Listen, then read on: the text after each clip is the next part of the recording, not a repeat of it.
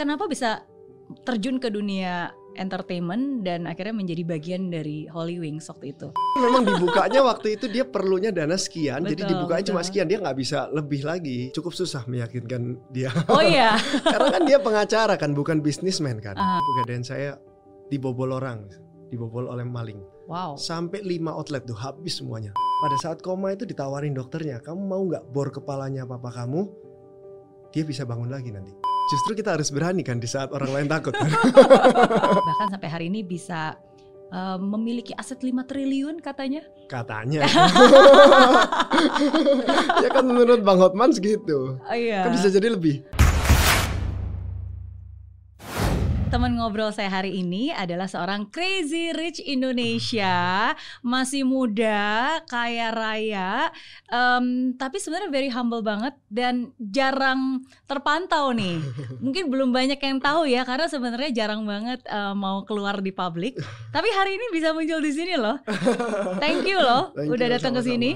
Ya, kita kenalan dulu. Kasih tahu yang lain saya sudah kenal ya kan. Eh, Andrew Susanto. Oke, kenapa tadi saya bilang crazy rich? Karena punya banyak banget bisnisnya. Bos dari Pusat Gadai Indonesia yang em, saya dengar-dengar karyawannya ribuan. Eh, bos juga dari perusahaan apa nih eh, second handphone yang juga salah satu terbesar di Indonesia. Yang karyawannya juga banyak. Dan tentu saja bosnya Holy Wings. Ya, Thank you. gimana nggak crazy rich kalau bisnis sebanyak itu, bener nggak? Enggak juga. tapi ya still humble dan seperti saya bilang jarang banget uh, muncul di mana-mana. Tapi hari ini diluangkan waktu untuk datang ke sini untuk sharing-sharing. ya. Ya, apa kabar? Baik, Miss Mary. Thank you. Thank you. Oke, em, di sini kita ngobrol-ngobrol santai aja. Pengen tahu lebih banyak lagi tentang apa yang ada di pikirannya Andrew, perasaannya Andrew, dan lebih penting lagi pengalaman hidupnya dan bagaimana bisa sampai ke titik ini gitu. Em, tapi mungkin kilas balik dulu ya, karena kalau yang orang tahu kan sebagai em, bosnya Holy Wings nih, yang ke mana-mana selalu barengan sama Hotman Paris, Hotman, ya. ya kan? Hmm. dan yang memang ternyata adalah komisaris utama dari Holy Wings, Iya. ya kan? Dan termasuk salah satu pemegang saham besar di Holy Wings, bener nggak? Enggak Oke. besar sih. Banyak kalau Group kok. Oke, ya. Tapi em, saya dengar-dengar sebenarnya ini juga bukan bisnis awal ya. Iya. Em, bahkan pertama kali itu invest di tengah COVID Iya. dan waktu itu mengeluarkan uang ratusan miliar rupiah. Ya, Oke, bisa. mungkin bisa diceritain dulu nih. Kenapa bisa terjun ke dunia entertainment dan akhirnya menjadi bagian dari Holy Wings waktu itu? Oke. Thank you, Miss Mary sebelumnya. Mhm. Udah diundang di sini. Mhm. Jadi gini, awal saya kerja mulai itu kan tahun 2006-2007. Mhm. Saya kerja pertama kali masuk di dunia finance kan di pegadaian swasta lah ya. Mhm. Saya kerja itu berarti sekarang kan udah 17 tahun. Mhm. Terus pada saat Covid itu pegadaian itu turun omsetnya. Oke. Turun kira-kira 40 sampai 45 persen. Di tahun 2020 berarti ya? 2020. Mhm. Kenapa turun? Karena mungkin orang udah tidak punya barang kolateralnya lagi untuk dijaminkan, udah habis. Jadi mau pinjam aja udah nggak punya barangnya. Mhm. Artinya kalau dia turun, kalau kalau pusat gadai Indonesia ini turun omsetnya, artinya ada dana dari luar tuh yang masuk ke kita Mhm. dan uangnya itu nggak bisa muter pastinya, Mhm. karena nggak ada yang mau minjem kan. Mhm. Nah di saat yang sama itu grup HW ini dia lagi butuh dana karena restoran tutup kan. Oh Semua iya. restoran tutup enam bulan atau lebih itu tutup, Betul. tapi karyawan tetap harus dibayar. Pembangunan ekspansi tukang juga masih jalan dan harus dibayar. Hmm. Jadi dia mau cari investor dari mana aja yang mau beli holdingnya dia Hmm. untuk menyelamatkan karyawan-karyawan ini supaya tetap bisa dibayar dengan normal gitu kan. Oke. Waktu itu ada berapa cabang tuh berarti? Hmm, belasan ya waktu itu ya, Iya. iya. belasan cabang. Oke. Nah jadi ditawarkan ke beberapa orang, rata-rata orang nggak mau. Hmm. Bukan nggak mau kali mau tapi uangnya nggak ada kayak. Enggak juga, enggak juga. Banyak Oh, iya? juga orang yang mau. Cuma kan waktu itu kan, oke, saya sekarang masuk sekarang. Ini restoran bakal buka lagi nggak sih? Pada saat tahun 2020 Oh, itu iya. kita nggak tahu loh. Betul. Ini bisa jadi restoran itu kita eh, delivery terus selama lima tahun 10 tahun ada pikiran gitu loh. Jangan Hmm. kan itu kayak udah apocalypse gitu kan. Betul. Apalagi oh, konsep restoran Holy Wings kan live event Iya. di mana itu sebenarnya tidak didesain untuk deliver makanan Makanya kan? jadi Hmm. orang udah mikir ini kapan? Jangan-jangan nggak buka lagi. Hmm. Kita beli terus nggak buka lagi selamanya. Jadi Hmm. orang pada takut kan. Hmm. Nah di saat orang pada takut tuh harganya jadi murah, Hmm. Miss. Ya saya masuk. Kok berani? Justru kita harus berani kan di saat orang lain takut. kan? Kalau kita berani pada saat semua orang berani mahal harganya. Iya. Justru pada saat orang berani kita harus takut. Hmm. Apa membuat Andrew yakin bahwa ini nggak akan tutup selamanya kayak tadi kan Hmm, beberapa hmm, kemungkinan kemungkinannya kan oke kalau misalnya ini restoran biasa Chinese mungkin bisa di deliver do Hmm, delivery hmm, gitu kan hmm. tapi kan kalau misalnya ini kan itu tadi live event yang di mana kekuatannya ya. adalah orang datang dan menikmati the experience in that restaurant. Ya. Hmm. Itu yang sebenarnya dibilang yakin yakin 100% ya nggak mungkin. Tapi Hmm. kita ada perhitungan tersendiri Hmm. di mana ada harganya sekian sehingga itu masuk hitungannya gitu loh. Hmm. Kalau kita nanti buka berapa tahun kemudian balik modalnya berapa lama itu semuanya jadi masuk. Oke. negosiasi kan awalnya memang ya negosiasinya masuk lah pada saat itu saya nggak yakin kalau sekarang kita nego dengan angka dua tiga kali lipat pun mungkin nggak dapat tuh dan Karena valuasi udah tinggi. ya kalau sih Iya. udah tinggi udah udah nggak ada orang mikir lagi kayak dulu lagi kan Iya, iya. Gitu. Tapi sebenarnya eh, Andrew kenal sama eh, Ivan, Eka. kenal tapi nggak nggak sedekat itulah ya kenal teman main aja Iya. makanya dia bisa cari saya kan Hmm. cari saya cari beberapa orang itu karena kenal gitu Oke, oke. gitu Jadi karena hitungannya masuk Hmm. dan ya udah, sometimes business is all about managing risk kan. Iya, iya, iya. Iya, dan harus berani karena kalau nggak berani ya kapan ada kesempatan Betul. bagus dan emas seperti ini Iya, kan. iya, betul. Dan dananya pun juga ada pada saat itu. Iya. Tapi kan Hmm. saya masuk kan nggak semuanya kan pasti saya Hmm. Oke. gitu. Terus eh, nyesel nggak dulu harusnya investnya lebih banyak lagi? itu pasti. selalu ya, penyesalan selalu datang belakangan ya. Ya, tapi kan memang dibukanya waktu itu dia perlunya dana sekian, jadi Betul, dibukanya cuma betul. sekian, dia nggak bisa lebih lagi. Jadi Iya. ya udah saya ambilnya memang itu. Lebih menyesal adalah orang-orang yang waktu itu ditawarin tapi akhirnya menolak dan Iya. nggak berani. Iya pasti. Iya, itu. tapi kan setiap orang punya pertimbangan sendiri Iya, ya. iya, iya, Oke. betul. Em, berarti apa nih yang berubah Mm-mm. dari em, sejak sebelum punya Holy Wings sama sekarang sudah menjadi salah satu bos di Holy Wings?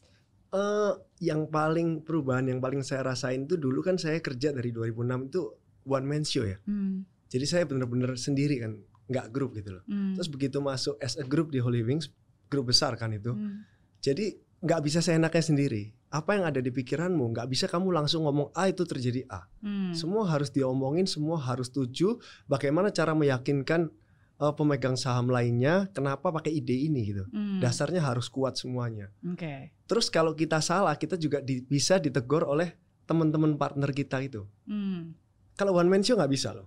Nggak Iya. mungkin bawah kita itu mau negor itu pasti ada pikiran ini bosku gitu kan. Kalau partner ini ngomong karena ini partner for life. Jadi dia akan ngomong apa yang baik menurutmu. hmm. Dia akan kasih tahu apa yang perlu kita dengar gitu, bukan apa yang mau kita dengar. Karena partner kan. Iya, betul. Bukan betul. cuma eh, asal bos seneng gitu kan nggak Iya. bisa. Ini, ini partnerku seumur hidup loh. Jadi kalau aku nggak suka dan dia harus berubah, menurutku aku kasih tahu apa yang perlu dia dengar gitu. Itu yang saya rasain sih. Hmm, itu Ya, yang itu. berbeda ya Ya, ya. dari yang sebelumnya. Hmm. Eh, yang sama, apa yang berbeda dari seorang Andrew sebelum dan sesudah dan apa yang masih tetap sama berarti? Yang sama ya kehidupannya masih sama sih. Dulu sebelum masuk di HW Group saya ke HW juga. Sekarang juga masih ke HW juga. Karena lebih sering kali bilangnya oh um, um, apa meninjau cabang gitu Eh, ya. enggak enggak enggak seminggu sekali kok saya. Seberapa sering sih? seminggu sekali saya. Seminggu sekali. Ya, seminggu sekali. Oke, kalau seminggu sekali kayaknya satu tahun aja nggak cukup tuh untuk keliling seluruh cabang baru. Oh iya rata-rata yang di Jakarta aja sih. Iya. ke- Kecuali pembukaan baru kita ke sana. Oke.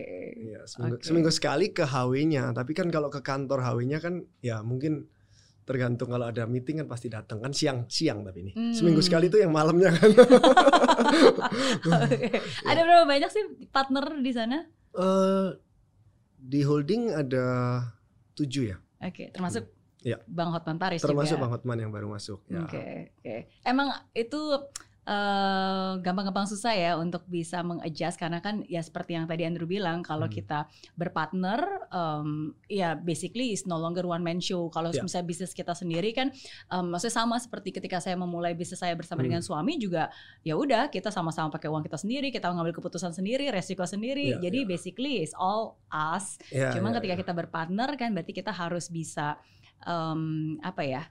Harus bisa mengadjust. Iya. Uh, uh, dan in a good way sebenarnya ya kita bisa punya leverage dan bisa mereka bisa punya pandangan yang berbeda. Betul, Akhirnya betul, saling melengkapi. Iya, iya. Mm-mm. Karena juga kalau kita salah ambil keputusan dan itu belum diomongin, ya yang menanggung semua orang loh. Iya. Satu orang itu semua yang nanggung. Jadi benar-benar kalau ambil keputusan harus ngomongin di as a group gitu sih. oke Hmm. oke.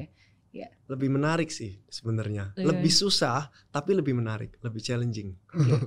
Gara-gara Andrew ngomong kesalahan dan harus ditanggung dan segala saya jadi ingat Hmm. kalau ngomongin holidays kan kita semua tahu 2022 ya. Iya.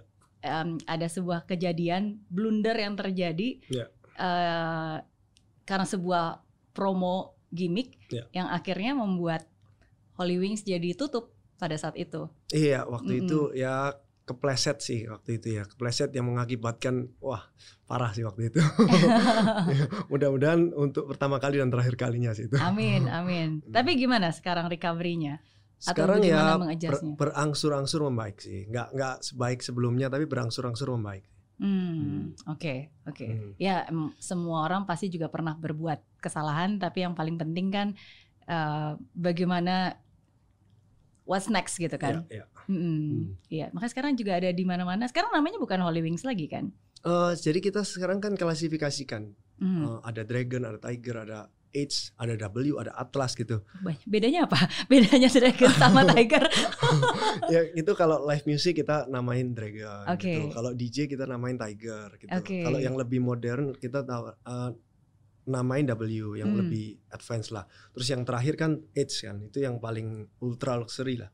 Oh. yang di SCBD kita jadi namain jadi orang kayak ada karakter masing-masing jadi tahu gitu kalau di kota ini oh dragon kota ini W berarti dia tahu isinya apa gitu kira-kira udah dari Oke. namanya udah tahu Oke, berarti Hmm. itu tergantung dari tadi tema-temanya ya Iya, dan segmen orang-orang yang Iya. datang ke sana seperti apa. Mm-mm. Oke, oke. Berbicara tentang partner, saya jadi ingat kalau nggak salah beberapa waktu yang lalu, kayak Bang Hotman pernah sharing. Karena kan Bang Hotman juga salah satu partner kan. Iya. Terus dia bilang, oh ya soalnya nih anak-anak muda semua ini nih em, unik-unik, tapi mereka tuh kompak banget karena punya visi besar yang sama. Bener gak? Iya. Ya, dan bahkan katanya punya moto yang sama.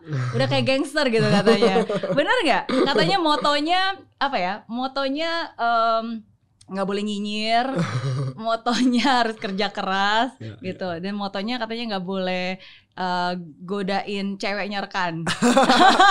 itu motonya Bang Hotman Itu motonya Bang. Hotman. kalau kita kan udah tahu moto itu dari lahir juga tahu Oh, gitu iya. Bang Hotman itu yang menekankan lagi Oh gitu. Tapi benar, benar. mungkin maksudnya Bang Hotman jangan godain minyak saya ya Oh. iya, jadi begitu saya baca itu, wah lucu juga gitu ya, khususnya bagian akhir gitu kan. Jangan Iya, iya. godain wanita punya rekan. Gitu. Tapi kalau wanita lain boleh gitu. Oke. Ya, but but anyway ya sometimes Hmm. um, chemistry dan sinergi antar partner itu penting Iya, sih. seru sih sama Bang Hotman seru jadi nggak melulu ngomongin tentang uang ngomongin tentang life terus Hmm. kayak di Hotman 911 saya belajar banyak dari cara berpikirnya Bang Hotman gimana cara nanganin masalahnya. Jadi dia nanganin masalah bukan cuma dari segi hukumnya, dia lihat dari segi psikologinya orang ini gimana. Kalau saya ngomong ini kira-kira reaksinya dia gimana. Hmm. Wah hebat sih dia. Jadi saya belajar banyak juga dari Bang Oke, Hotman. dan memahami pola cara Iya berpikirnya cara dia berpikirnya ya. kita wah keren menarik sih. Iya, iya. Beruntung juga beruntung saya merasa beruntung sih bisa di deket eh, Bang Hotman tuh. Kenal Bang Hotman itu gara-gara di Holy Wings atau sebelumnya udah kenal? Di Holy Wings waktu itu pertama Oh. kali saya yang nawarin dia untuk masuk di Atlas Group. Oke. Pertama di Atlas belum di holding ya, di Iya. Atlas. Cukup susah meyakinkan dia. Oh iya.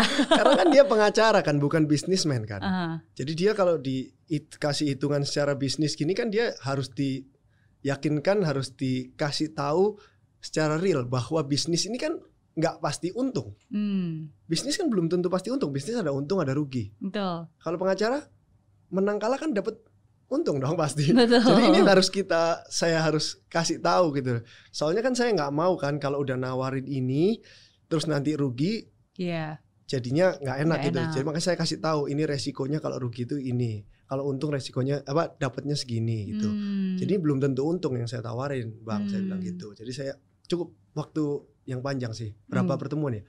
Tiga kali pertemuan akhirnya meyakinkan dia Oke. untuk dia masuk. Oke, karena pengacara ketemu pengacara, bahasa yang digunakan berbeda Iya, iya, gitu. iya, iya. Udah nyiapin tesisnya. Iya. Oke, itu juga itu juga satu hal yang um, is amazing sih, karena Hmm. ketika pertama kali aku ketemu Andrew itu kan sebenarnya nggak sengaja. Iya, iya. Awalnya ketemu sama Bang Hotman, tapi ya ke mana-mana ada Bang Hotman kan Iya, selalu iya. ada Andrew di waktu airport itu ya waktu di itu ya. airport. Iya, iya. Terus ya udah di uh, dikenalin, akhirnya ngobrol. Terus waktu Mm-mm. itu kita ngobrol lebih banyak lagi pas lagi di Batam. Iya, iya. Um, ya dari situ akhirnya saya melihat bahwa wow ini anak muda ini uh, berhasil bukan hanya karena keberuntungan punya uang yang kebetulan lagi invest di satu tempat Ya. terus akhirnya lagi cuan aja ya tapi karena ya karena memang ada track recordnya dan what you have here is more important gitu dan bahkan ternyata seorang pengacara juga dan sekarang associate lawyer uh, di Hotman Paris Ya. apa sebutnya Hotman Paris And partner ya. and partners Hmm. kan. Mm-mm. Tapi yang saya penasaran sebenarnya cita-cita kecil waktu awal tuh pengennya jadi apa sih? Oh awal ya. Jadi waktu kuliah itu, eh waktu SMA mau masuk kuliah itu kan ngambil jurusan tuh, pilih kan. Mhm, Pilih jurusannya itu dua miss dulu. mhm. Satu apa? Kalau nggak terima, kedua apa? Selalu harus ngisi dua itu. Betul betul. Nah waktu SMA itu saya sering lihat film-film itu loh yang di persidangannya luar itu keren gitu. Pengacara itu keren gitu. Hmm, Ya udah saya milih hukum aja. Karena dia ke- kebanyakan lihat film itu. Hukum terus yang kedua saya ngambil psikolog. Karena saya sangat tertarik dengan psikolog. Oh. makanya saya S2-nya ngambil psikolog. Oke. tapi nggak lulus. Waktu itu kena covid harus online. Saya nggak suka waktu itu Iya. online. Jadi saya nggak terusin. Oke, Nah, tapi berarti itu. emang cita-cita dari kecil pengen jadi pengacara. iya gitu. Iya, dulu berarti lahirnya di Surabaya? Surabaya. Sampai SMA di Surabaya. sampai SMA ya kuliahnya baru di Karawaci Kuliahnya baru di Karawaci, Mm-mm. ngambil hukum. Hukum. Oke, terus begitu ngambil hukum, tapi kenapa begitu lulus jadi pengusaha? Hmm. Yang mana dulu? Gadai dulu atau handphone dulu? gadai dulu Gadai dulu. Hmm. mm-mm. karena ternyata jadi pengacara tidak seindah yang di film itu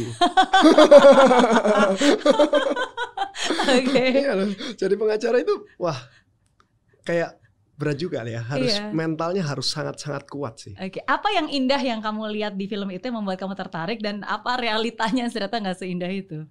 Keren dia ngomong gitu semua satu ruangan dengerin dia semua terus merubah Oh. fakta gitu kan. Iya, Atau memperkuat fakta, mempertajam fakta gitu sehingga orang yang tadinya pandangannya A bisa jadi B gitu dengan omongannya dia keren banget kan. Iya. Ternyata di balik itu itu dia mempertajam A atau A menjadi B itu ada pihak lainnya yang nggak suka kan pastinya dong. Hmm, Itu ya yang dibutuhkan mental yang kuat gitu loh. untuk itu. hmm. Jadi saya kayaknya belum sampai Belum. segitunya gitu. Iya. Jadi akhirnya saya amunisinya masih kurang. Iya, Oke. saya terjun dunia bisnis akhirnya gitu. Oke, tapi berarti memang naluri insting bisnisnya tajam sekali ya. Buktinya bisnis pertama bisa sampai sebesar ini. Kenapa pegadaian?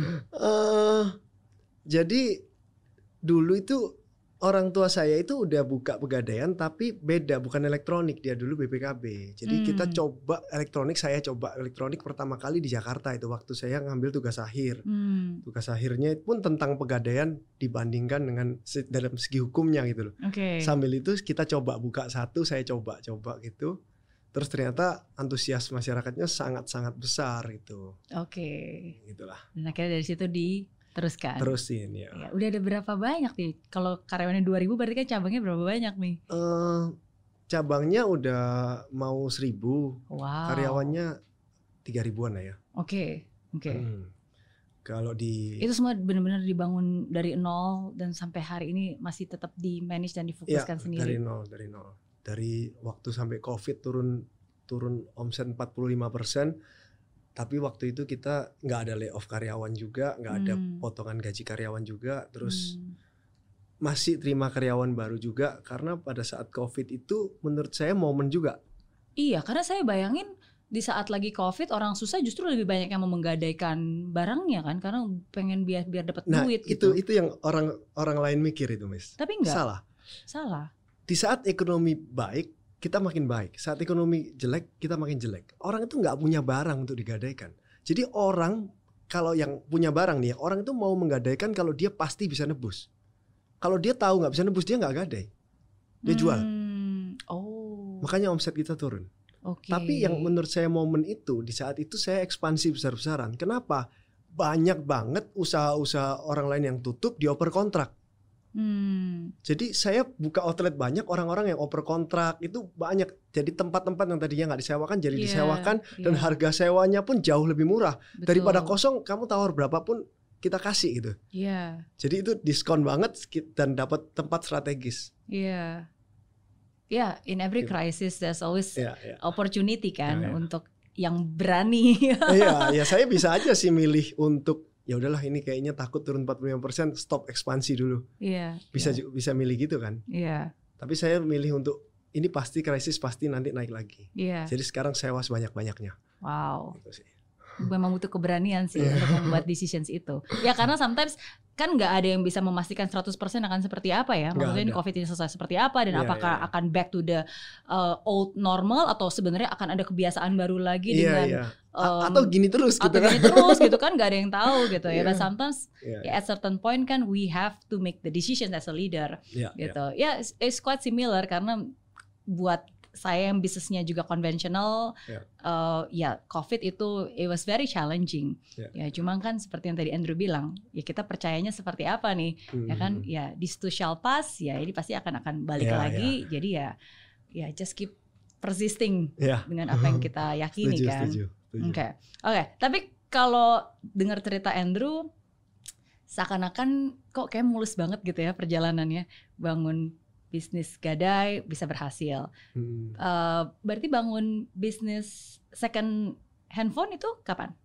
Eh, itu sebenarnya udah lama, cuma kita baru launching karena baru pindah di gedung itu barusan kan. Jadi kita Oh, grand opening karena butuh banyak pedagang banget. oke. Berarti baru di, dihidupkan Iya, kembali. baru dihidupkan kembali. Oke, nah terus udah gitu juga eh, Holy Wings, ya pokoknya semua yang di tangan dan dipegang itu berlipat ganda lah. Oke, tapi saya yakin pasti ada masa-masa yang sulit. Em, apa masa paling sulit yang pernah bikin seorang Andrew stres? Eh, kalau as a business sih saya nggak ada, Miss. Hmm. Beneran. Itu setiap kali ada halangan gitu ya, itu saya anggap sebagai challenge itu. Hmm, Nggak tahu kenapa ya, kayak misalnya dulu pegadaian saya dibobol orang, dibobol oleh maling. hmm, Setiap minggu, jadi minggu ini dihabisin satu satu outlet habis. Minggu depan outlet lain, minggu depan outlet lain. wow, Sampai lima outlet tuh habis semuanya. Dan malingnya sama terus. Sama tuh Sindikatnya sama terus, Oh, ya. dari dari sindikat yang sama. Sindikatnya sama terus. Oke. Akhirnya kan ketangkep kan udah udah ada di beritanya juga itu. Akhirnya ketangkep. Pada saat hilang-hilang-hilang itu terus, itu bukan stres yang ada di pikiran saya.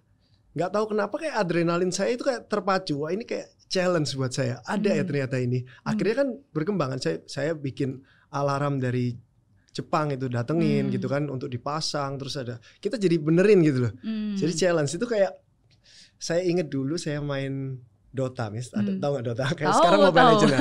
itu saya waktu main Dota itu ya. Waktu saya kalah empat kali lima kali berturut-turut, itu saya nggak berhenti. Saya senang, saya terpacu adrenalinnya. Kok Hmm. bisa kalah ya? Saya lihat replaynya, saya lihat kenapa saya kalah, hero saya di mana, hero Hmm. musuhnya di mana. Jadi halangan itu yang membuat saya jadi kayak terbakar gitu. Saya senang malahan. Hmm. Nggak tahu kenapa saya gitu ya. Jadi banyak sih sebenarnya yang nanya anak-anak itu masa sulitnya gimana. Saya nggak bisa jawab karena masa sulit itu saya anggap sebagai challenge yang menghidupkan saya justru malah. Iya, justru i- i- ya menjadi sebuah energi yang Iya, iya. membakar for you to fight back in a Iya, good way ya. Dalam betul. arti ya udah dibenerin, Ya, alarmnya kesalahannya dibenerin, itu apa di aja mana. dicatetin, terus solusinya apa, tanya temen, tanya mentor, tanya semuanya, terus di kayak ditulis gini kalau ini hasilnya apa, kalau ini hasilnya apa, kemungkinannya apa aja. Seru sih menurut saya malah. Oke. Iya. Nggak nggak pernah kayak membuat sedih, down, depressed. Untuk kalau kerjaan nggak, nggak pernah, nggak pernah. Hmm. Termasuk berarti misalnya yang kasus Holy, Holy Wing kemarin yang menyebar di seluruh Indonesia itu juga ya udah pokoknya tetap have a clear mind Mm-mm. what's next gitu ya. Iya. Ya Nggak- kita nggak ketemu dibawa ke terus kan, as a team ketemu terus ngomongin lah, ngomongin ini gimana caranya pertanggungjawaban kita ke investor gimana, pertanggungjawaban ke kita karyawan gimana itu kita pikirin semuanya. Hmm. Ya tetap dengan energi positif kita mikir kemungkinan terbaiknya apa, kemungkinan terburuknya apa kita catetin semua gitu lah. Hmm. Terus supaya ke depan tidak terulang kembali juga kita udah bikin semua sih. Oke. Jadi kayak ada pause time di sana di mana kita bisa memperbaiki seluruh SOP dan strukturnya semuanya kan. Iya. Iya. Pada saat jalan semua kan kita nggak sempat untuk mikirin itu akhirnya. Betul, karena kan udah Nah, uh, ya kan? operational kan. Betul. Begitu Hmm. itu sudah stop kita bisa perbaikin semuanya. Jadi ada hikmah sih di semua itu. Hmm. Oke. Memiliki kejernihan pikiran itu penting ya. Iya. Karena kan kalau nggak jadi jadi kalut jadi ya itu Iya. khawatir yang berlebihan akhirnya nggak produktif dan akhirnya justru malah membuat masalah yang lebih besar lagi in the future. Iya. Iya, iya. Nah, Em, apa memang didikan orang tua yang membuat kamu menjadi seperti itu? em, nggak tahu ya saya. Soalnya mentor saya kan sebenarnya papa saya, tapi papa saya kan udah nggak ada dari tahun 2010 ya. Hmm. Jadi udah lama udah cukup lama ya. 13 tahun lalu udah nggak ada. Jadi saya sendiri sih gedein bisnis itu. Hmm. Di saat saya baru mulai kerja tiga tahun, saya udah harus sendiri gitu. Hmm. Mikirin sendiri, ngambil keputusan sendiri. Sedangkan background saya hukum kan. Iya. Saya harus belajar tentang accounting, harus belajar tentang perpajakan, tentang training, tentang HRD. Semua saya harus belajar sendiri gitu. Iya. Mungkin Iya. itu yang membuat saya mau belajar ya karena hal itu kali ya. Iya, iya, iya, hidup yang membuat kamu kerasnya hidup yang Iya, mem- iya. akhirnya membuat kamu menjadi seperti sekarang Hmm. inilah. Iya. Kalau gitu berarti ketakutan terbesar kamu apa dalam hidup ini? Karena kan kayak wah bisnis nggak bisa bikin stres. Maksudnya you know how to manage Oh ya. your mind and your heart kan. Tapi what is your biggest fear sebenarnya? Eh, mungkin gini ya. Saya mikir 17 tahun kerja, mikirin gimana cara gedein usaha terus. Eh, usaha saya juga bisa lebih besar dari kompetitor saya. Kenapa? Hmm. Terus saya yang saya, saya takutkan eh, jangan-jangan skill saya itu untuk ini kepakainya cuma gini-gini aja gitu loh. Hmm. Saya lagi mikir apa ya yang bisa saya lakukan lagi yang impactnya strong gitu loh ke banyak orang gitu. Hmm. Gitu gitu gitu aja sih. Udah menemukan jawabannya? Ya belum sih, cuma ya kita saya cuma mikir saya cuma mikir semoga nanti ke depan eh, mindset yang saya punya, skill skill set yang saya Hmm. punya ini bisa berguna untuk lebih bukan hanya cuma untuk ke karyawan aja gitu loh, Hmm. tapi ke banyak orang impactnya gitu ya. Hmm, oke. Ya sekarang pun sebenarnya dengan membagikan uh, pengalaman pun saya yakin itu sangat uh, bukan hanya menginspirasi ya, Hmm. um, tapi ini bisa menjadi modal awal untuk mereka memulai bisnis mereka sendiri juga. Ya, Ya, karena ya apalagi anak-anak muda sekarang kan they get so inspired ketika mereka melihat sosok yang sebenarnya usianya nggak terlalu beda jauh dengan mereka. I mean you're still young ya tapi udah bisa berada di titik ini gitu kan. That's, that's Hmm. amazing. Apalagi itu kan juga self made dalam arti um, ya Andrew Hmm. perjuangan sendiri gitu. Mm-mm. Mhm. Bahkan sampai hari ini bisa um, memiliki aset 5 triliun katanya. Katanya Kata sumber terpercaya loh. itu kan menurut dia. menurut dia, menurut dia, menurut Hotman Paris. Ya kan menurut Bang Hotman segitu. Oh iya. Kan bisa jadi lebih. Oh iya. Benar benar benar. Tetap humble ya, humble. Oke, oke. Ntar kita ngomong tentang itu nanti lah Hmm. pokoknya ya. Tapi em, tapi saya percaya bahwa di dalam hidup ini apa ya? Em, bukan hanya apa yang kita lihat dan apa yang ada di sekitar kita yang membantu kita. Sebenarnya ada banyak hal-hal yang is just beyond us as a human. Um, we don't talk about religion, tapi misalnya hal-hal yang spiritual yang saya percaya itu pasti ada bantuan tangan Tuhan, apa pun juga kepercayaan kita. Um, I don't know, itu at least itu yang saya percaya ya. Kalau dari Andrew sendiri, pernah nggak sih ngalamin hal-hal seperti itu? Apa your most spiritual experience yang membekas dan selalu diingat? Spiritual ya.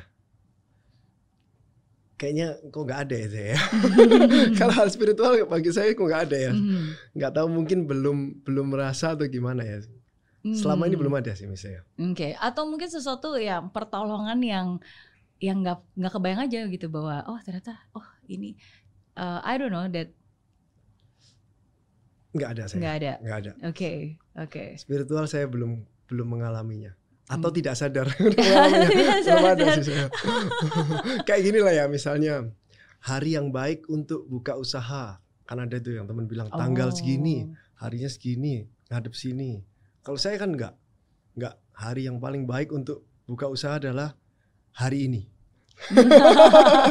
hari yang paling Secepatnya. iya secepatnya itu adalah hari yang paling baik hari yang paling cepat dapat untung itu adalah hari baik kalau saya tunggu hari baik nggak buka-buka Nggak saya buka, nggak buka-buka. Karena setiap orang punya perhitungannya sendiri kan. Nanya orang ini dihitung itu Iya. harusnya tanggal gini. makanya spiritualnya belum dapat Oke. Kalau gitu apa dong rumus eh, sukses dari seorang Andrew? Eh, konsisten ya Hmm. yang saya bicarain kon- konsisten dan persistence. Jadi Hmm. bukan cuma konsisten doang. Jadi yang tapi yang banyak orang bilang saya udah konsisten tapi gini-gini aja. Yang namanya konsisten itu kan bukan konsisten selama dua minggu saya melakukan hal yang sama terus. Hmm, hmm, Bukan dua bulan, bukan dua tahun, tapi 20 tahun. hmm, Lakukan hal yang sama terus, fokus di satu hal terus. hmm, Saya yakin nggak mungkin sih kalau itu nggak sukses sih. hmm.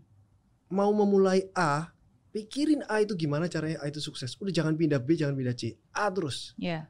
pasti sih kalau saya belum pernah lihat orang yang mikirin A terus terus dia nggak sukses Hmm. pikirin terus pikirin caranya gimana caranya A sukses jangan pindah-pindah gitu Iya. fokus saja sih Iya. Gitu. And you must give yourself a time ya, karena Iya. kadang-kadang kan em, waktu itu penting ya. Maksudnya sometimes ini yang saya selalu percaya bahwa eh, we underestimate, we overestimate what we can do in one year, tapi we underestimate what we can do in 10 years. Jadi kadang-kadang Hmm. dalam satu tahun, wah maunya banyak hal gitu, tapi kan ternyata ada banyak hal yang mungkin tidak bisa dicapai hanya dalam waktu satu tahun, butuh waktu. oh iya betul Iya kan? jadi kalau kita fokus misalnya jualan teh gitu ya ini harus fokus jualan teh itu jangan mikirin lainnya Hmm. fokusnya jualan teh ini gimana brandingnya rasanya terus tiap hari mikirin itu dan lakukan itu Hmm. jangan minta satu tahun dua tahun terus nggak sukses terus pindah nggak Hmm. sukses itu butuh waktu 7 sampai 10 tahun di satu bidang menurut Hmm. saya.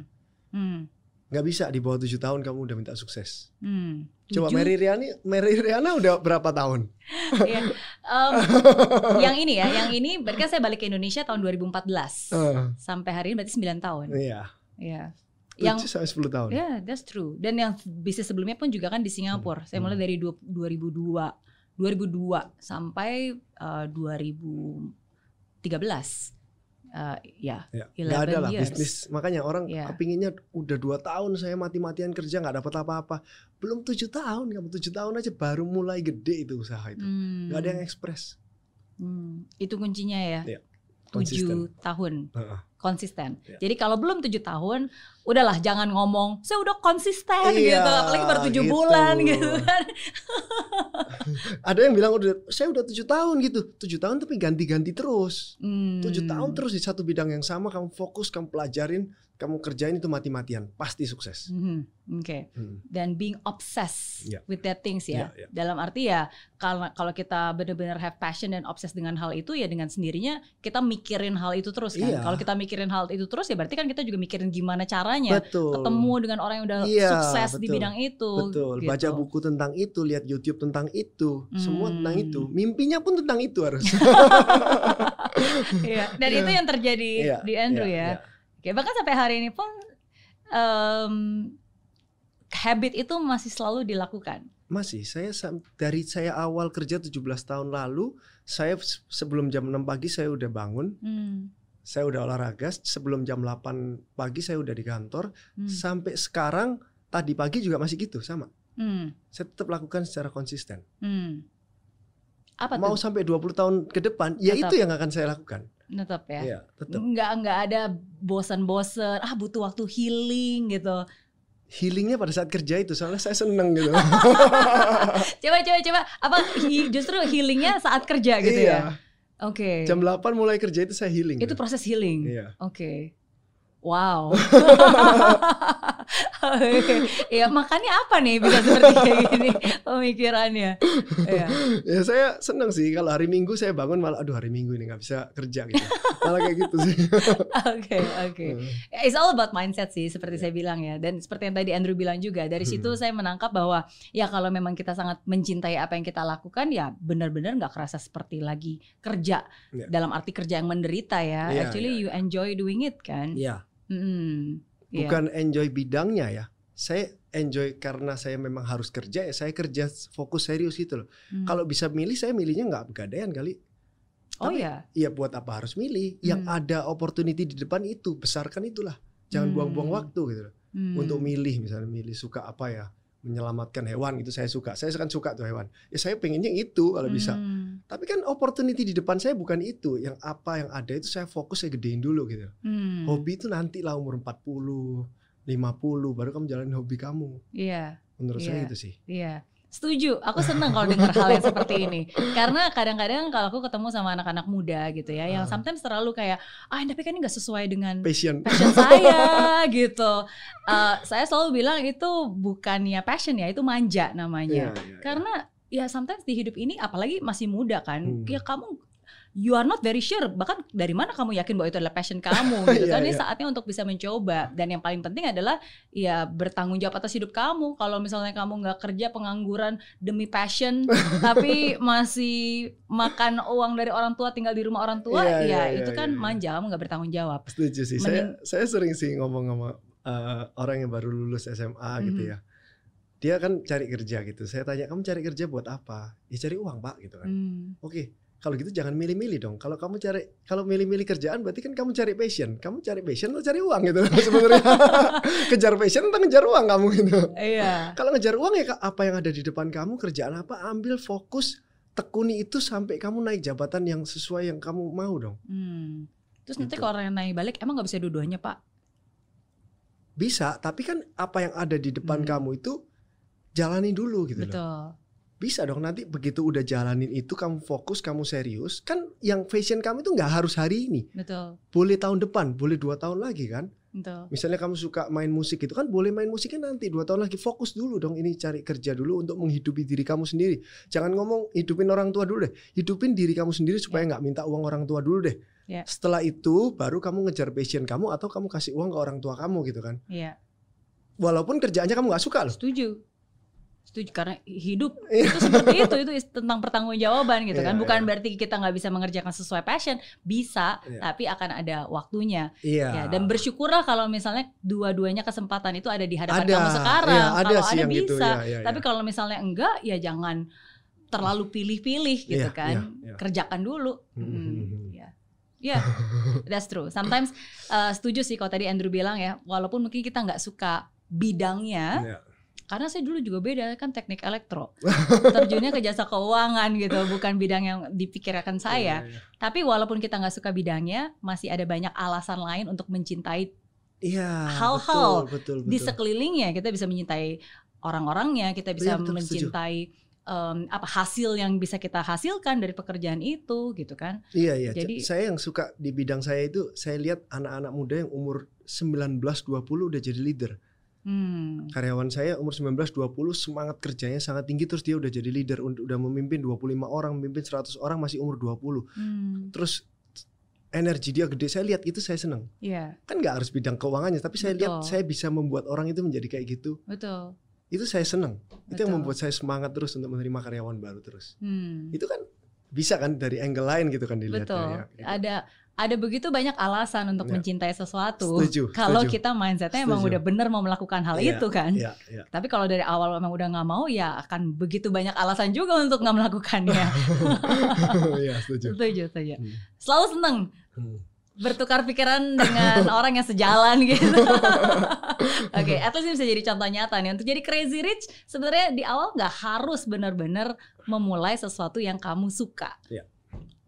Tapi kalau kamu bisa bertekun di hal yang bahkan kamu nggak suka pun kamu bisa sukses, wow.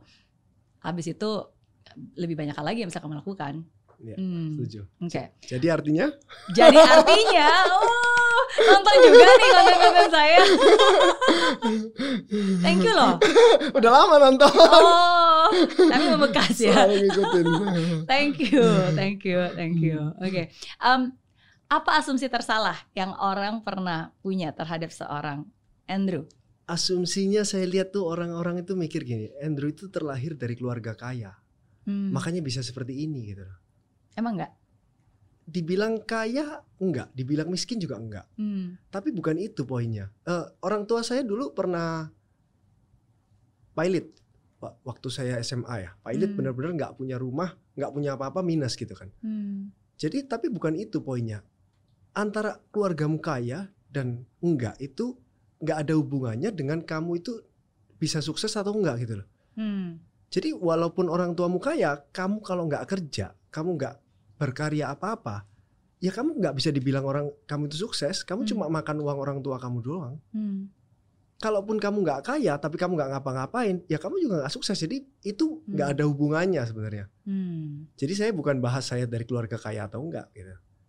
Ya saya mulainya dari berhutang waktu pertama kali Pegadaian buka itu outlet pertama itu saya berhutang sama orang, saya bayar bunga ke orang hmm, satu bulan 2% bayarnya waktu itu untuk saya buka outlet itu. oke, Tapi nggak penting lah itu kita mulai dari nol, mulai dari satu miliar atau mulai dari minus itu nggak penting. Yang penting kan kita kerja kerasnya, kita fokusnya di sana. iya, Semakin kamu anak orang kaya, semakin kamu nggak mau fokus kerja biasanya rata-rata.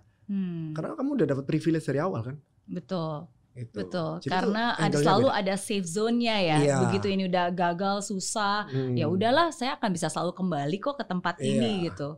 Hmm, Jadi angle-nya bukan kamu di titik kamu sekarang itu mulainya dari nol atau plus atau minus itu nggak penting. Tapi kamu mau kerja atau enggak itu sebenarnya. hmm, oke. Ya. Oke, jadi itu asumsi tersalah ya. Oke, jadi kalau asumsi punya 5 triliun itu benar. lebih, lebih itu salah yang benar lebih. Mana mungkin ada orang tahu aset masa aset saya kasih lihat kan nggak mungkin lah.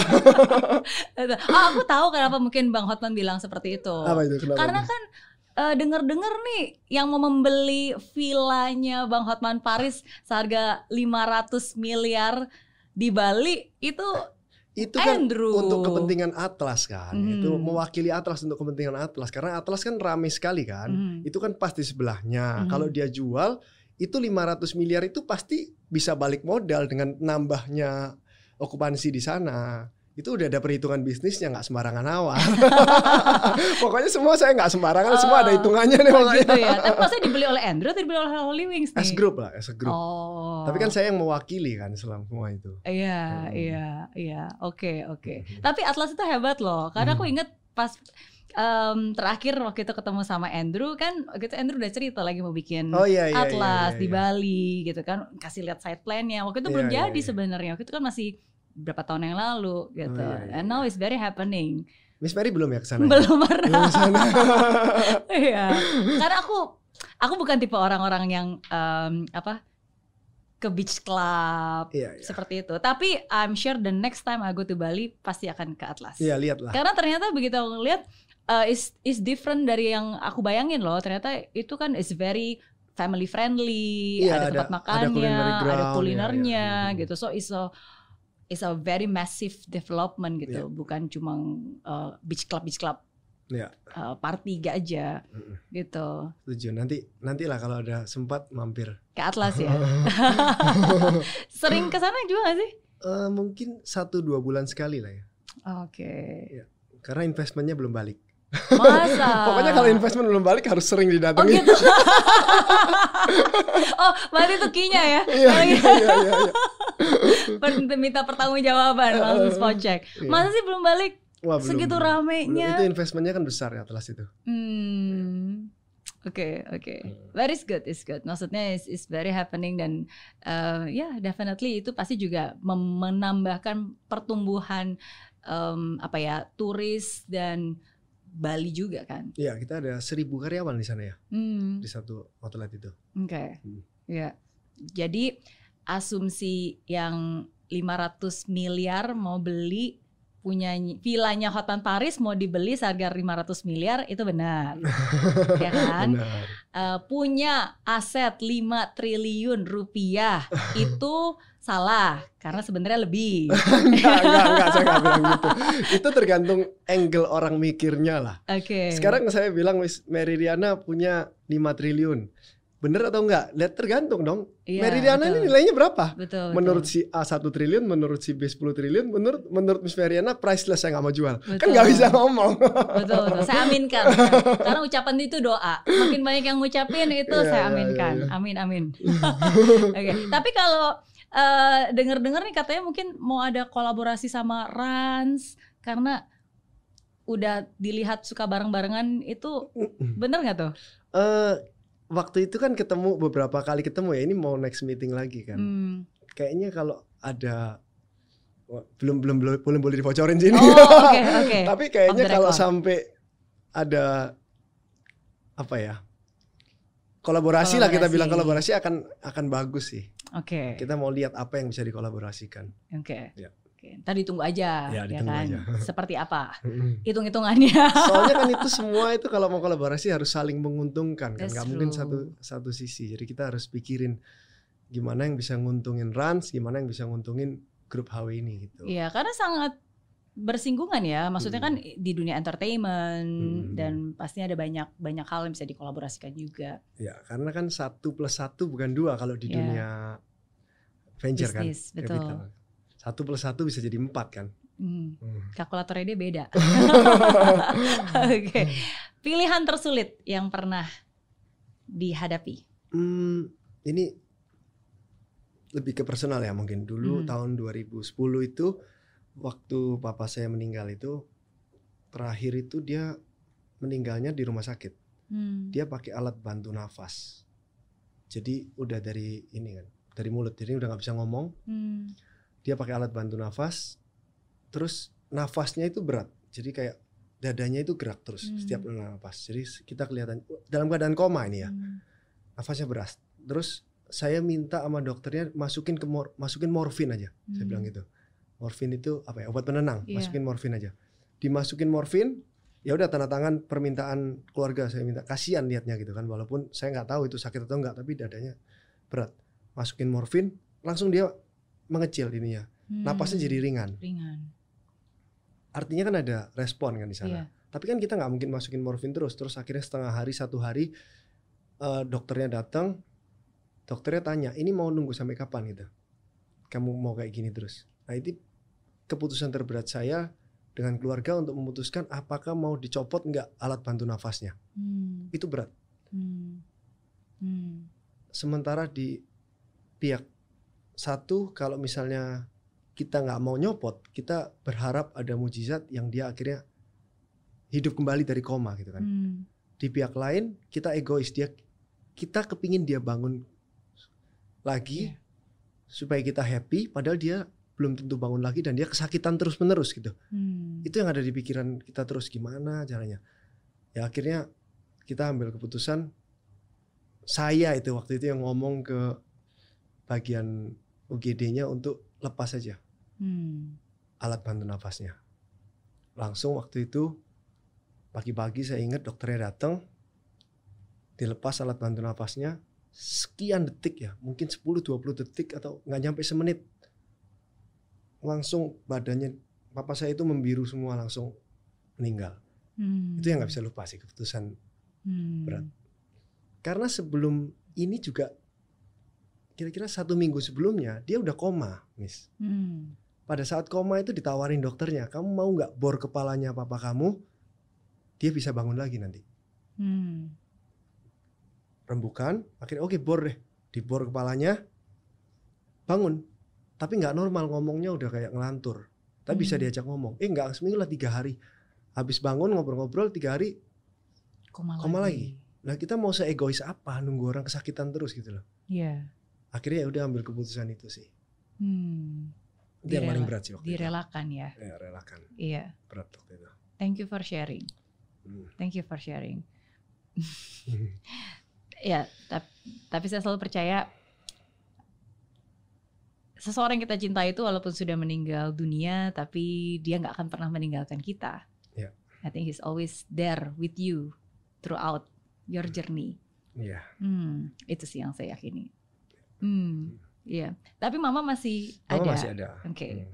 Iya. I'm sure she's very proud of you. Anak pertama. Anak ketiga saya. Oh, oke. Saya anak ketiga. Tiga cowok, saya anak ketiga.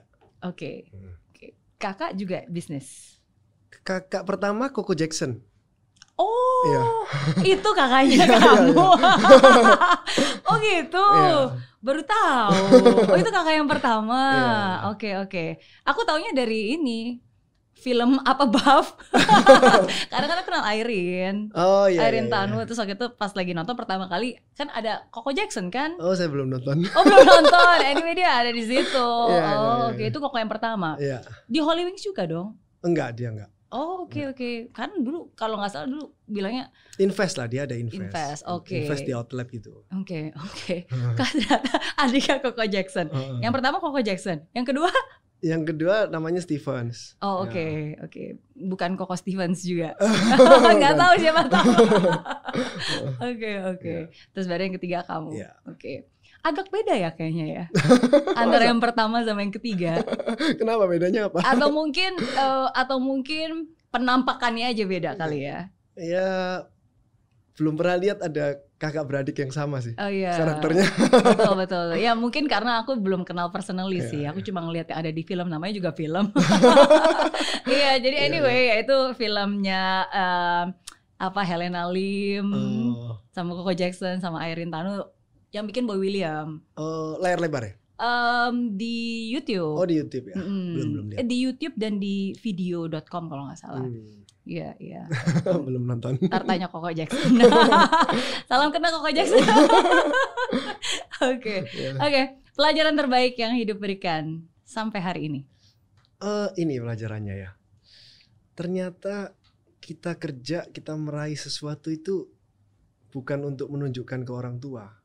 Hmm. Saya baru sadar Hmm. pada saat saya papa saya meninggal, terus berapa tahun, berapa tahun saya mikir pada saat saya meraih eh, naik-naik terus karir saya, saya selalu mikir, aduh sayangnya orang tua saya, eh apa papa saya udah nggak ada. Kalau nggak Hmm. saya bisa pamerkan Hmm. kalau ini usahanya udah jadi gitu. Hmm. ternyata akhir-akhir bertahun-tahun ini saya mikir kerja itu untuk diri sendiri sih Hmm. bukan dipamerkan ke orang tua bukan untuk membuat orang tua bangga Hmm. tapi untuk diri sendiri sih kita fokus kerja itu untuk diri sendiri untuk membuktikan ke diri kita sendiri bahwa kapasitas kita itu seberapa besar kita maksimalkan gitu Hmm. kerja bukan untuk orang tua sih Hmm. untuk diri sendiri Wow. Thank you for sharing. Thank you for sharing. Ya. Dan em, dan itu penting ya. Ya, karena eh, again em, kalau mungkin pemikirannya salah kayak tadi kan, oh kerja itu untuk dipamerkan ke orang tua atau untuk di di bisa supaya orang bangga gitu, tua dibanggakan happy gitu gitu, kan. Ya, mungkin terdengarnya benar tapi sebenarnya tergantung the real intentionnya Iya. kan seperti apa. orang tua kamu, orang tua kita itu udah happy pada saat lihat kita happy kok. Iya. Bukan saat lihat kita sukses tapi kita stres gitu loh. Iya. Pada saat kita happy, kita inget dia, kita telepon dia itu itu baru dia Itu. happy. The real Hmm. happy-nya orang tua itu itu kan sebenarnya. Hmm. That's true. Ya. That's true. Kalau kerja buat istri dan anak, Itu kan paket ya kalau keluarga ya. paket ya diri Itu sendiri paket. termasuk istri dan Iya, anak. udah pasti lah kalau family itu paket ya. Gak bisa. Udah. Oke. Nggak mungkin kerja terus istri dan anak nggak termasuk itu nggak mungkin lah. Udah pasti lah. Hmm. itu Oke. paket. Kan dia yang support kita juga loh. Kalau kita nggak disupport kerja juga nggak bisa naik pasti. Iya. Susah. Iya, iya. How does your wife support you? Bagaimana Oh. cara em, saya yakin pasti karena kan di balik pria hebat selalu ada wanita yang jauh lebih hebat sebenarnya, yang lebih sabar, yang lebih pengertian. Iya, iya. Karena kan untuk bisa bekerja di industri ini dengan berbagai macam hal yang dilakukan, definitely it's not easy kan? Eh, ini menarik, ini Hmm. ini menarik, Miss. Istri saya itu lebih sering memberikan saya pujian Hmm. daripada kritik, Hmm. apa pun itu. Dia lebih banyak muji 90% dia muji. Hmm. Dan kemarin nih saya nonton Netflix nih kemarin ada penelitian 100 orang itu nanti lihat dari Netflix 100 what 100 people apa gitu ya. Mhm. Itu dia disurvei tuh. Ada orang yang dikritik terus sama dipuji terus. Hmm. Yang dikritik ini semakin lama semakin memburuk. Hmm. Padahal di bidang yang sama. Satunya dipuji semakin lama semakin membaik. Hmm. Nah itu yang dilakukan oleh istri saya. Hmm. Nggak tahu dia selalu support. Saya mau melakukan apa dia selalu support. Dia selalu memberikan pujian, selalu support itu itu ya ngaruh banget sih. Hmm. Kalau dikritik terus harusnya susah untuk maju. Iya. Ya. Oh, itu ternyata rahasianya Iya. ya Hmm. untuk selalu bisa disayang suami. Because it's not easy. Oh, Definitely dong, pasti. iya, Ya. ah, mungkin di negara kita ya, timur itu lebih suka kritik daripada muji. Hmm. Kalau di barat kan lebih suka muji ya. Iya. Saya lihatnya ya secara culture-nya kan gitu ya. Betul, betul. Heeh. Betul. Ya termasuk juga parenting kan. Oh, karena kan iya, iya. walaupun maksudnya baik kan, maksudnya maksudnya baik adalah supaya karena karena sometimes tergantung kedewasaan uh, orang yang menerima sih. Oh. Bisa jadi kalau ya kayak tadi kan kalau bisa dipuji-puji-puji-puji terus akhirnya jadi blind spot. Dia nggak tahu apa yang salah. Oh, Tapi oke. at the same times maksudnya berpikir oh kalau gitu harus dikasih tahu nih yang salah. Tapi ya ya jangan keterusan juga salah salah Ya, salah ya, salah. ya. Akhirnya kan itu memakan self esteem dan Ya, self confidence-nya dia kan. Hmm, oke, oke, iya. Udah berapa tahun berarti nikahnya? Udah 2010 13 tahun ya? Oke, 13 tahun. 12 tahun 13 tahun ya. oke. Hmm. So it's no longer available. Karena kadang-kadang nih Bang Hotman atau yang lain suka bilang wah ini udah udah single, tampan, keren. It's no longer single. Perhatian buat semuanya. Enggak, no Bang longer Hotman, available. Bang Hotman nggak pernah bilang saya single kok. Oh gitu, Nggak, iya. Orang-orang lain yang bilang. Oke, oke. Iya, oke. But, it's good, it's good. Hmm. Thank you sudah menjawab Thank you. semua pertanyaan saya. Berarti sekarang terakhir seperti janji saya. Nah, iya. You can ask me anything. Ini penting nih pertanyaannya. Penting. Iya. Miss Mary ini kan impactnya besar nih untuk Indonesia nih kalau saya bilang. Amin, amin. Kenapa Miss Mary kok nggak masuk ke dunia politik, masuk ke pemerintahan gitu supaya impactnya bisa lebih besar lagi? Kenapa harus masuk ke dunia politik? kan impactnya langsung ke Indonesia gitu. Oke, oke. Em, belum ada di dalam perencanaan Oke. karena termasuk tergantung mungkin definisi dunia politik ini apa dulu nih dunia politik? Ikut masuk dalam pemerintahan untuk membantu Indonesia maju.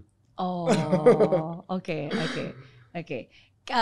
Karena pada saat ini, pada saat ini ya, kalau buat saya, eh, saya merasa saya bisa dan saya suka dan saya masih bisa berguna di tempat ranah saya. Karena kan Hmm. mungkin dari sejak 25 tahun yang lalu sampai hari ini, Hmm. ini yang saya bangun gitu di dunia entrepreneur, sekarang content creator, Hmm. um, sebagai investor gitu. Tapi kan semua masih mirip nih. Sebagai investor pun juga membantu UKM UKM yang memang di situ pun saya juga punya pengalaman Iya, gitu as an entrepreneur gitu. Saya merasa ini adalah dunia saya yang saya bisa dan ada sesuatu yang memang bisa saya kontribusikan. Oke. Oke, Uh, dunia politik uh, buat saya itu sesuatu yang sangat um, luas ya Heeh. gitu sangat luas belum punya rencana uh, konkret uh, untuk masuk ke politik secara praktis gitu Secara praktis ya. Iya, em, nggak pernah kepikiran dan kayaknya sih nggak akan nggak akan ya sih nggak bisa ngebayangin suatu saat saya jadi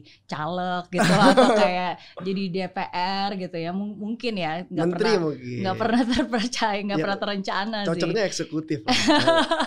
iya Langsung tapi kalau saya melihat ada eh, banyak orang-orang yang dari dunia entrepreneur sekarang bisa berkontribusi di um, politik is inspiring. Contohnya misalnya as a woman myself gitu, kayak Angela gitu kan, Hmm. um, Bu, Bu Wamen, Iya. um, Angela Tanusudibyo itu kan Hmm. backgroundnya memang sebenarnya is all Iya, in iya. business kan, Oh, oke. Uh, apalagi sebagai minoritas. Tapi sekarang dia juga bisa berkontribusi. That's inspiring Ya, gitu. Jadi belum ada rencana tapi um, it's inspiring to see more people contributing um, in that area, bringing their expertise and then contributing in that area.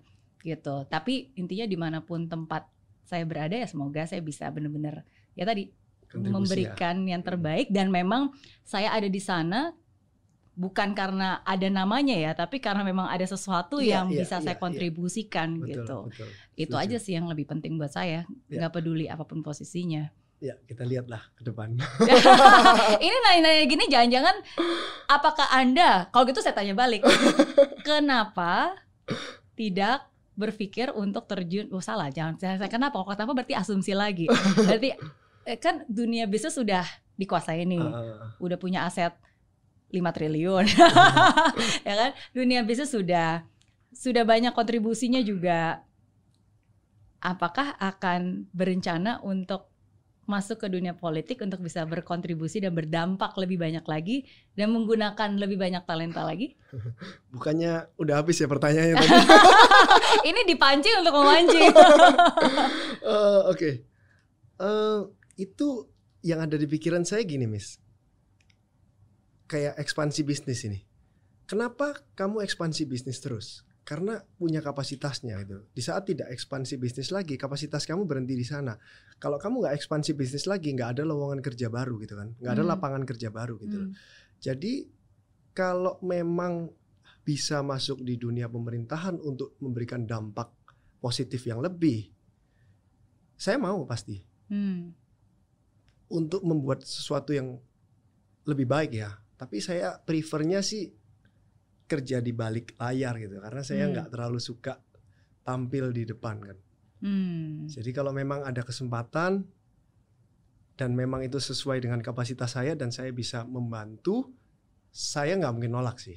Hmm. Tapi saya nggak ngejar sampai gitu. Tapi kalau memang ada kesempatannya, saya kalau saya nolak itu saya rasa saya kayak gimana ya? Kapasitasnya ada, tapi kamu nolak untuk berbuat sesuatu untuk negaramu gitu.